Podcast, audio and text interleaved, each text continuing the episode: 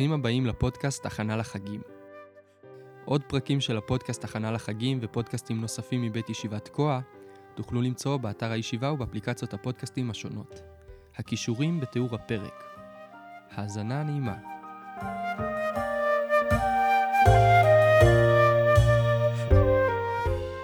אפשר לומר שכמעט אין מצווה חשובה ביהדות כמו אכילת מצה בפסח ואי אכילת חמץ. אה, האם אפשר להבין אה, שנתנו חשיבות כל כך גדולה שאומרים שמי שאוכל חמץ הוא חייב כרת, זאת אומרת שבאיזושהי מידה הוא יוצא מעם היהודי לעניין שהוא רק עניין של אכילה כנראה. עניין של אכילה הוא דבר גדול. אה, אנחנו כולנו חיים על אכילה.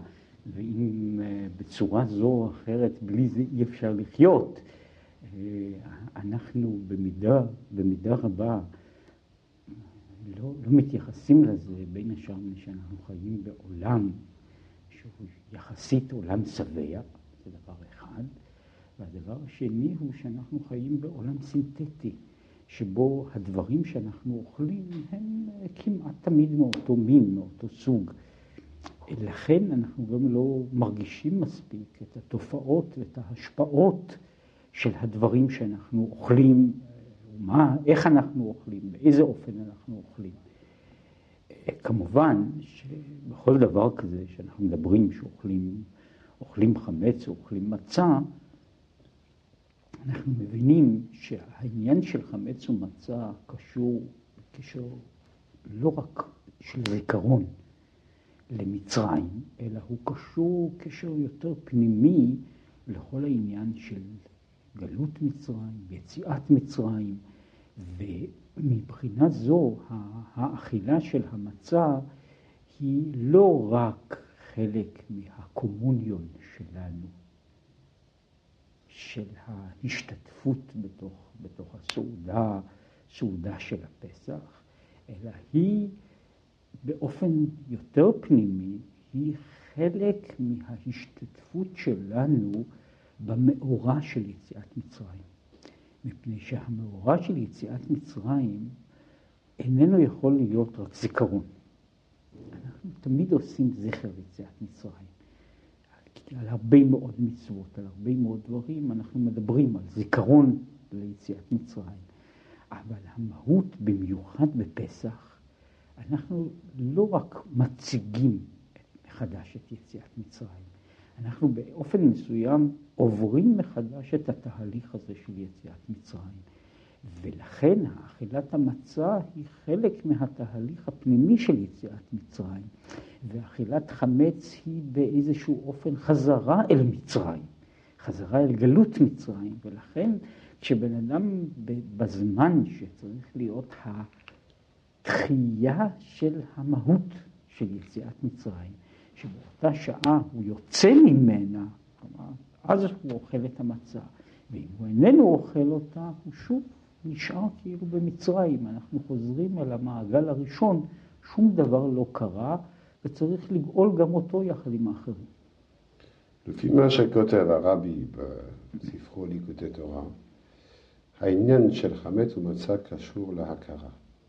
לפי דעתו יש קודם כל באכילה עצמה עניין של הכרה, זה מאוד מקורי בכל המכתבים שלו, אה, שהאכילה היא לא רק אה, לקיום האדם, היא לא רק תפקיד ביולוגי, אבל אה, כל כולה של האכילה היא כלי של הכרת השם. זה מפני שבמידה מסוימת הדבר קשור לתפיסה של נפילת ופיזור הניצוצות בכל העולם. מכיוון שקדושה והכוח האלוקי, קדושה היא אולי לא המילה הנכונה, משום שקדושה מגדירה את האלוקי כאשר הוא מופיע בטהרתו. אבל האלוקי, העליון, במובן מסוים האבסולוטי, הוא לא רק דבר שנמצא אי שם מעבר בקצה האחר של המציאות, אלא הוא מה שנמצא בתוך המציאות. האלוקי שופע, זורם בתוך כל המציאות. יותר מזה, גם המציאות הפיזית, העולם הזה, כמות שהוא, הוא כל כולו אה, אלוקות שמבטא, מתבטא בכל, בכל האופנים.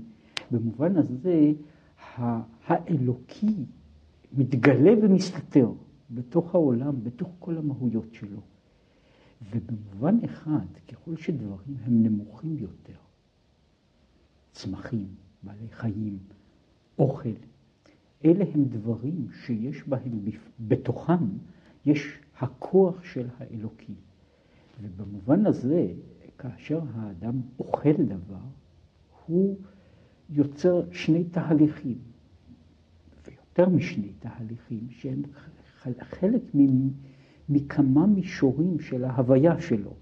במובן אחד אנחנו שייכים להוויה נמוכה, אנחנו פרימטים, ובתור פרימטים ששייכים לזואולוגיה, אנחנו אוכלים לחם או מצה או, או כל מה שאנחנו אוכלים כיצורים, כבעלי חיים.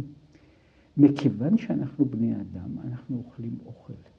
מכיוון שאנחנו יהודים, אנחנו עושים באותו תהליך בעצמו, בשלב אחר, ב, ב, ב, במדרגה אחרת של אותו דבר, אנחנו עושים משהו נוסף. אנחנו מאחדים את ההוויה שלנו, שהיא הוויה שיש לה הכרה, עם ההוויה של הדבר שאנחנו אוכלים, שהוא הוויה בלי הכרה, אבל הוא הוויה שיש בתוכה קדושה.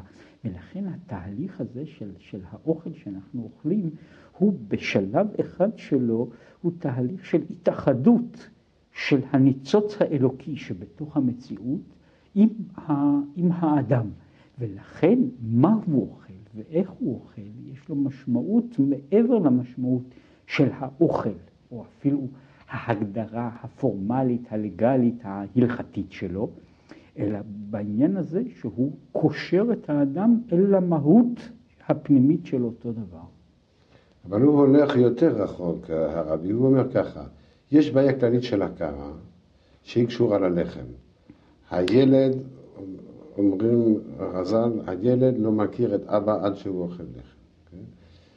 וזה סמלי, זאת אומרת, האדם לא מכיר את בורו עד שהוא אוכל איזה מין לחם, או עד שהוא מבין איזה לחם הוא אוכל, או איך לאכול לחם, נדבר על זה.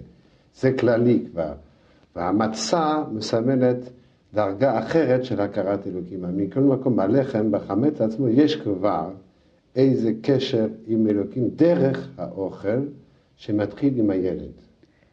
יש, יש קשר אחד שהוא במובן הזה, כמו במובן הביולוגי. האוכל שאדם אוכל הוא לכאורה אה, מכשיר בשביל האדם. הוא מהצד הזה נמוך יותר מן האדם. מן הצד השני, יש בתוך האוכל עוצמה, אם אנחנו מדברים אפילו במובן הביולוגי, האנרגטי, האוכל נותן לאדם את העוצמה שיש בתוכו. במובן הזה יש כאילו מפל של אנרגיה מהאוכל אל האדם. עכשיו, אנחנו אומרים שכל התהליכים שקורים קורים בעולם, קורים בכל המישורים באיזושהי צורה אנלוגית. ולכן, גם במובן הפנימי, הלחם שהאדם אוכל, דווקא לחם, הוא ביטוי מסוים וזיקוק מסוים של כוח שמשפיע על האדם. זאת אומרת, האדם לא רק משתמש בו בתור חומר דלק, סתם, אלא הלחם בעצמו עושה שינוי בתוך, בתוך המהות של האדם, במובן הזה שכמו שנאמר בשמו של הבעל שם טוב, כי לא על הלחם לבדו יחיה האדם, כי על כל מוצא פי השם יחיה האדם, שהוא מסביר אותו, האדם איננו חי רק מן הלחם, אלא מן הכוח האלוקי, מוצא פי השם, הדיבור האלוקי המחיה, שנמצא בתוך הלחם. ובמובן הזה, הדיבור האלוקי הזה מחיה את האדם, והלחם כלחם, כמהות, עושה שינוי בתוך המהות של האדם, מפני שבמובן הזה הלחם מוגדר גם מבחינה לשונית, גם מבחינה תרבותית, גם מבחינה אנתרופולוגית, בתור המזון של האדם. המזון של האדם כאדם. בשר, אה, בשר ופירות הם מזונות שכאילו נובעים מתוך הטבע. הלחם הוא המזון של האדם, האדם בתור אדם. וכשמישהו אוכל לחם, הוא במובן הזה נקשר ברמה יותר גבוהה אל המהות של להיות אדם. ולכן הוא אומר, מצטט מחז"ל, שהילד לומד לדבר כשהוא מתחיל לאכול לחם. כן, המגע שלו הוא למעשה עם, ה, התרבות האנושית, עם הציוויליזציה האנושית, לא דווקא עם קולטורה אנושית כזו או אחרת, אלא עם הציוויליזציה, עם המהות של מה זה בעצם אדם, וזוהי האכילה של הלחם. וזהו באופן הפנימי העניין שמופיע בספרים אחרים, והוא קשור לכאן, אף על פי שאיננו מופיע בכל, בכל האופנים, בתוך כל התיאוריות השונות, מה היה עץ הדעת. אחד ההסברים הוא שעץ הדעת היה בעצמו חיטה, ולכן גם הקשר הפנימי של החיטה, הלחם האנושי המובהק, עם הדעת, גם עם החטא שבדעת וגם עם העלייה שבדעת. ולכן הקשר עם הלחם, לחם בכלל, הוא מעבר לעניין של אכילה באופן כללי, והוא מתחיל להיות נושא שקשור למושג של ההכרה בצורה הרבה יותר, הרבה יותר חריפה. איזה לחם אוכלים קשור לשאלה איזו מין הכרה יש ואיזו דרגה של הכרה יש. ולכן גם ההבדל בין לחם מה שקוראים לחם חמץ, ובין מצה, עם כל מה שהדבר הזה קשור בו. לפני שנבוא למצה, לחזור על המאמר של חז"ל, אבל בכל זאת יש בו שאלה, למה, למה קושחים את הדת לאבא? למה היה אפשר להגיד גם כן ש, שהוא מכיר את אימא מתוך החלב, ולא את האבא מתוך הלחם, אבל פה הדגישו את הקשר להכרה לקשר, לקשר היסודי של הילד עם האבא, שהוא כנראה לא הקשר הראשון. לא, בוודאי לא הקשר הראשון, הוא קשר שהוא לא, הוא לא נובע מתוך, אה, מתוך הטבע. אומרת, הקשר הזה, הקשר הזה לכאורה הוא קשר שוב, שהוא באותו עניין שאמרתי, הוא קשר של תרבות, הוא קשר של ציוויליזציה. הוא לא קשר שהמהות הביולוגית שלו ניכרת. הקשר של הילד עם אמו הוא קשר ישיר, ביולוגי, ובחברה שבה, שבה הילד יונק מאמו, זה, זה האובייקט הראשון של ההכרה שלו. אבל זהו אובייקט של הכרה מיידית. להכיר אבא, פירושו של דבר לעבור מאיזשהו שלב של הכרה ראשונית, זאת אומרת הכרה כמעט אינסטינקטיבית, לשלב של הכרה שהיא עדיין לא אינטלקטואלית. במקומות רבים, כותב הרבי על זה, כשהילד אומר אבא, הוא איננו מבין את כל האימפליקציות של המושג הזה. הוא לא יודע בדיוק איך זה אבא ולמה זה אבא ומה הקשר עם אבא. מה שהוא מבין הוא סוג מסוים של הכרה שמביא אותו לידי זה למהות אחת שהוא קורא לה, לדיבור.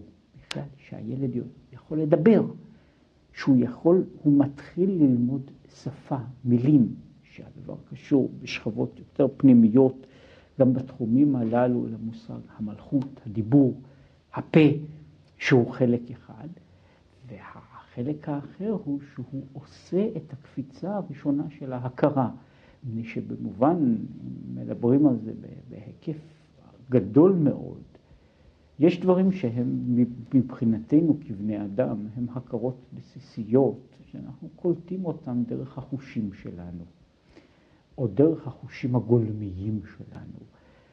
הכרה כמו זה של הקדוש ברוך הוא, היא הכרה שבגבול מסוים אנחנו עושים את הקפיצה, קפיצה אמוציונלית, אינטלקטואלית, ואומרים אבא.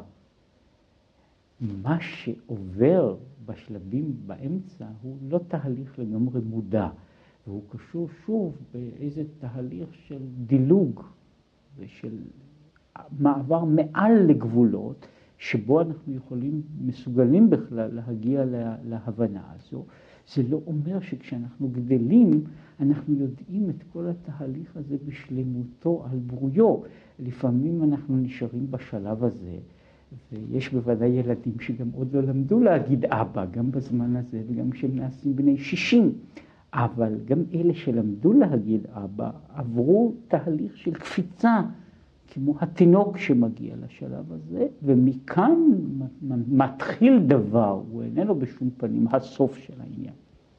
טוב, עם הבעיה הזאת של יחס הילד עם הלחם ועם אבא, אנחנו בלב אה, בעייתה של פסח, בלב היציאת מצרים, כי הרבי דווקא אומר שכמו שהכרת אבא היא למעלה מהטעם, כי כמו שאמרת, הילד איננו מבין מה זה אבא, אבל כל אה, סופיות של יציאת מצרים הייתה כדי שעם ישראל שהיה עוד ילד, כמו שאומר הנביא, יוכל להגיד אבא, פעם, הפעם הראשונה בחיים, אז המצה, כנראה, המצה היא דווקא לחם שהוא למעלה מהטעם, בגלל שאומר הרבי, הוא לחם בלי טעם. יש צד מסוים שהמצה שוב, במובן התרבותי, המצה היא הלחם הכי פרימיטיבי. לחם חמץ הוא לחם שקשור בתרבות. הייתי אומר יותר מזה, לחם חמץ הוא לחם שצריך בשבילו פנאי, צריך בשבילו זמן, צריך בשבילו תרבות קבועה. כל הדברים האלה הם מה שקוראים של התפתחות. הלחם הראשון, הבסיסי, הייתי אומר כמעט, הבתולי, הוא הלחם, לחם מצה. לחם שהוא רק חיטה שעברה איזשהו שינוי קטן מאוד, שעברה שינוי, אבל הוא עדיין לא הפך להיות חמץ. וזהו לחם, לחם שאין לו טעם. לחם ש, שגם, כמו שנעשו גם בלחם, בלחם המצה במיוחד, לחם בלי מלח. הוא לחם בלי תבלילים, הוא לחם שהוא אוכל בלבד, הייתי אומר, הוא כמעט האוכל, אוכל טהור, הוא לא דואג לטעמים שלי, לחושים המעודנים שלי, הוא פשוט מאוד, במובן הזה הוא מגיע עד לנקודת נקודה הבסיסית ביותר, שהוא זה שאפשר רק לקרוא לו לחם. מהצד הזה, המצב של יציאת מצרים, גם במובן ההיסטורי של העם היהודי, וגם במובן האנושי של החזרה לתהליך הזה, יש בו שלב מסוים שהוא של ההכרה הבסיסית הזו שילד אומר אבא. ההכרה הבסיסית הזו היא הכרה שהיא מתחילה לא מתוך התעמקות או מתוך הכרה או מתוך השגה אינטלקטואלית, אלא מתוך איזושהי קפיצה, מדלג על ההרים, מקפץ על הגבעות שמופיע בעניין הזה. אותו דבר שמופיע בצורות רבות במושג של פסח כמילה. פסח פירושו לקפוץ מעל, לפסוח. ובפסח יש שני המובנים כמו שיש בכל חג. מלמעלה ומלמטה, מפני שהקפיצה של פסח היא קפיצה כפולה.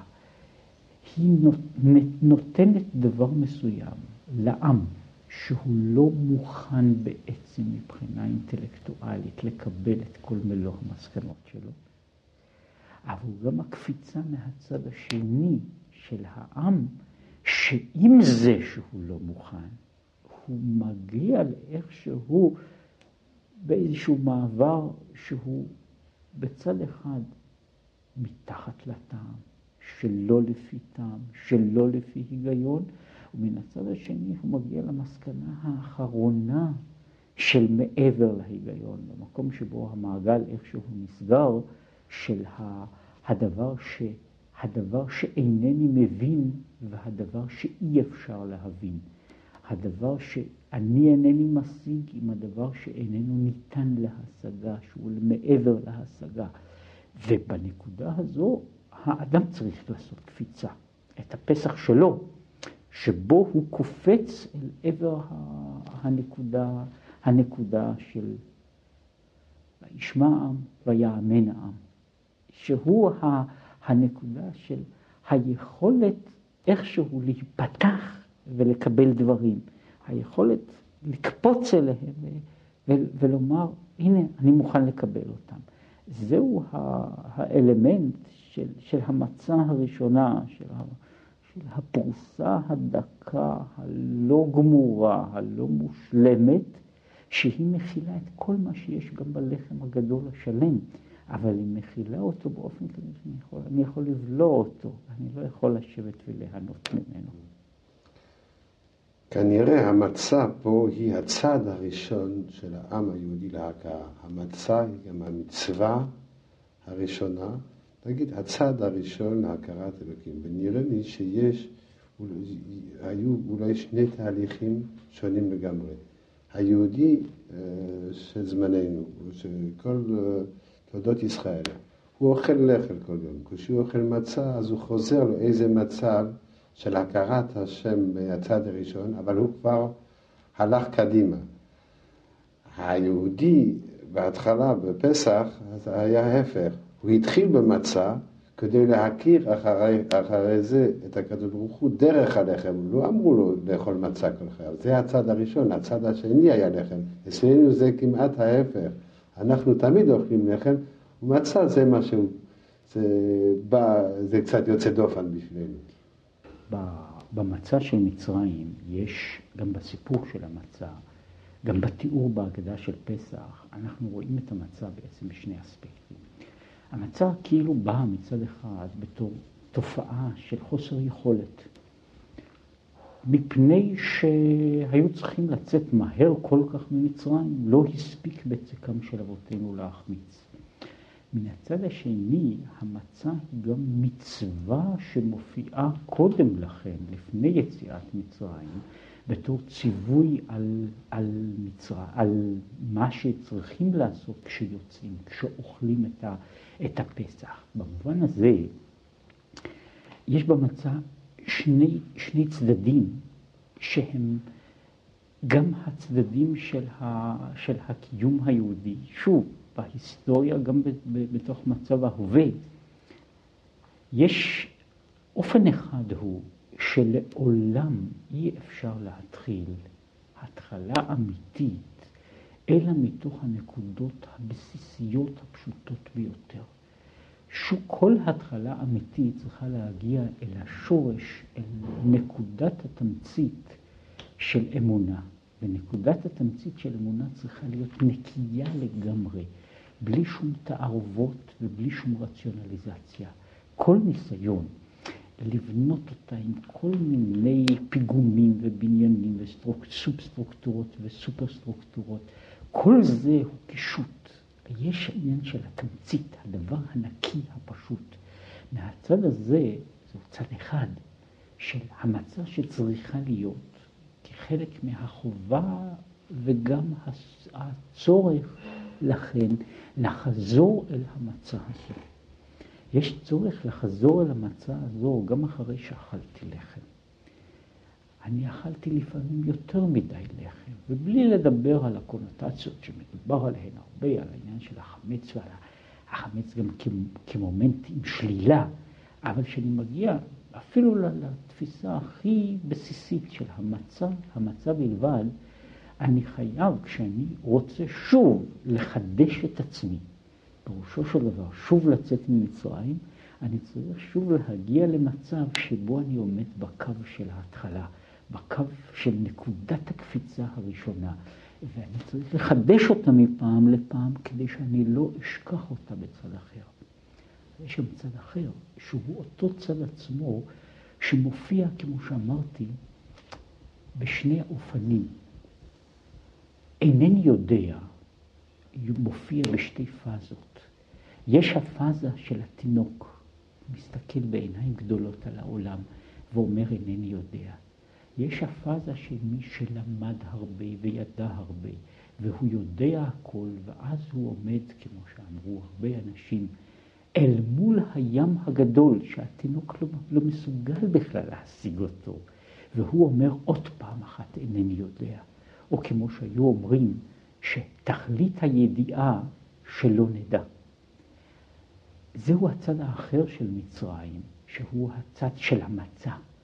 המצה היא גם הביטוי של ההתגלות האלוקית, כמעט הייתי אומר בצורה מסיבית, שמוחצת את האדם ומשטחת את כל, ה, את כל ההוויה שלו, את כל הגדלות שלו, את כל התרבות שלו, את כל מה שהתנפח בחמץ במשך השנה או במשך אלף שנים, ומנפצת אותו אל מול זה, אל מול הגילוי האלוקי.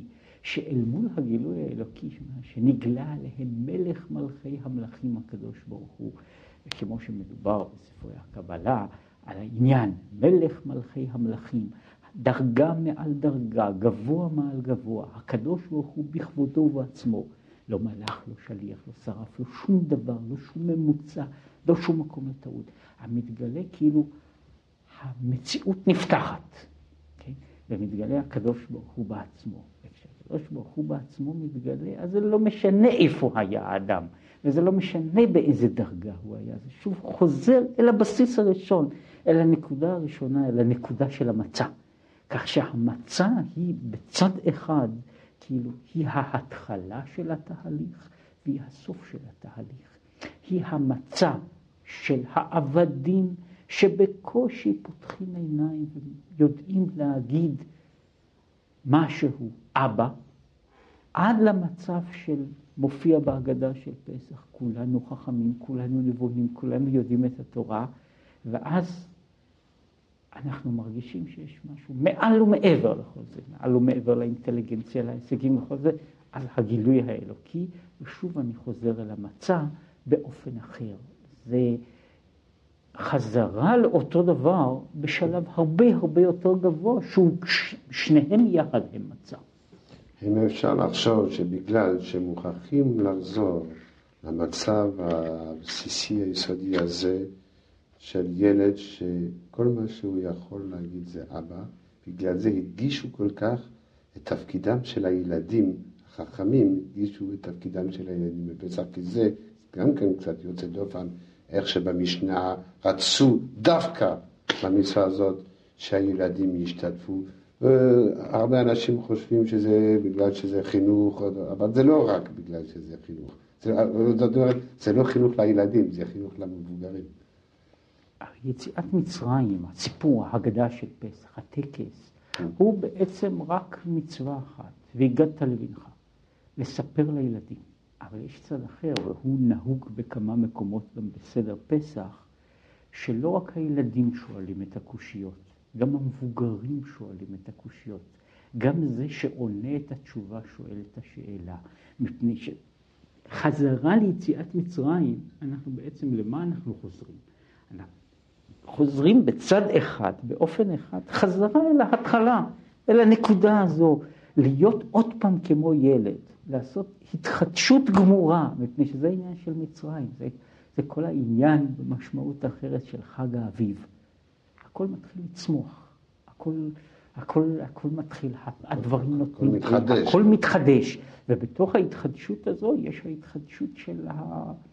ההתחדשות של האדם. הוא מתחיל מחדש. זה מה שקוראים לזה במובן הזה ניסן וניצן, הזמן שבו מתחיל משהו לפרוח. ובחזרה הזו, זאת היא חזרה שוב אל ההתחלה, אל נקודת ההתחלה. כולנו נעשים עוד פעם ילדים קטנים ששוב יודעים לשאול רק כמה קושיות. למה זה? איך זה? אחרי כל מה שלמדנו, אחרי כל מה שידענו.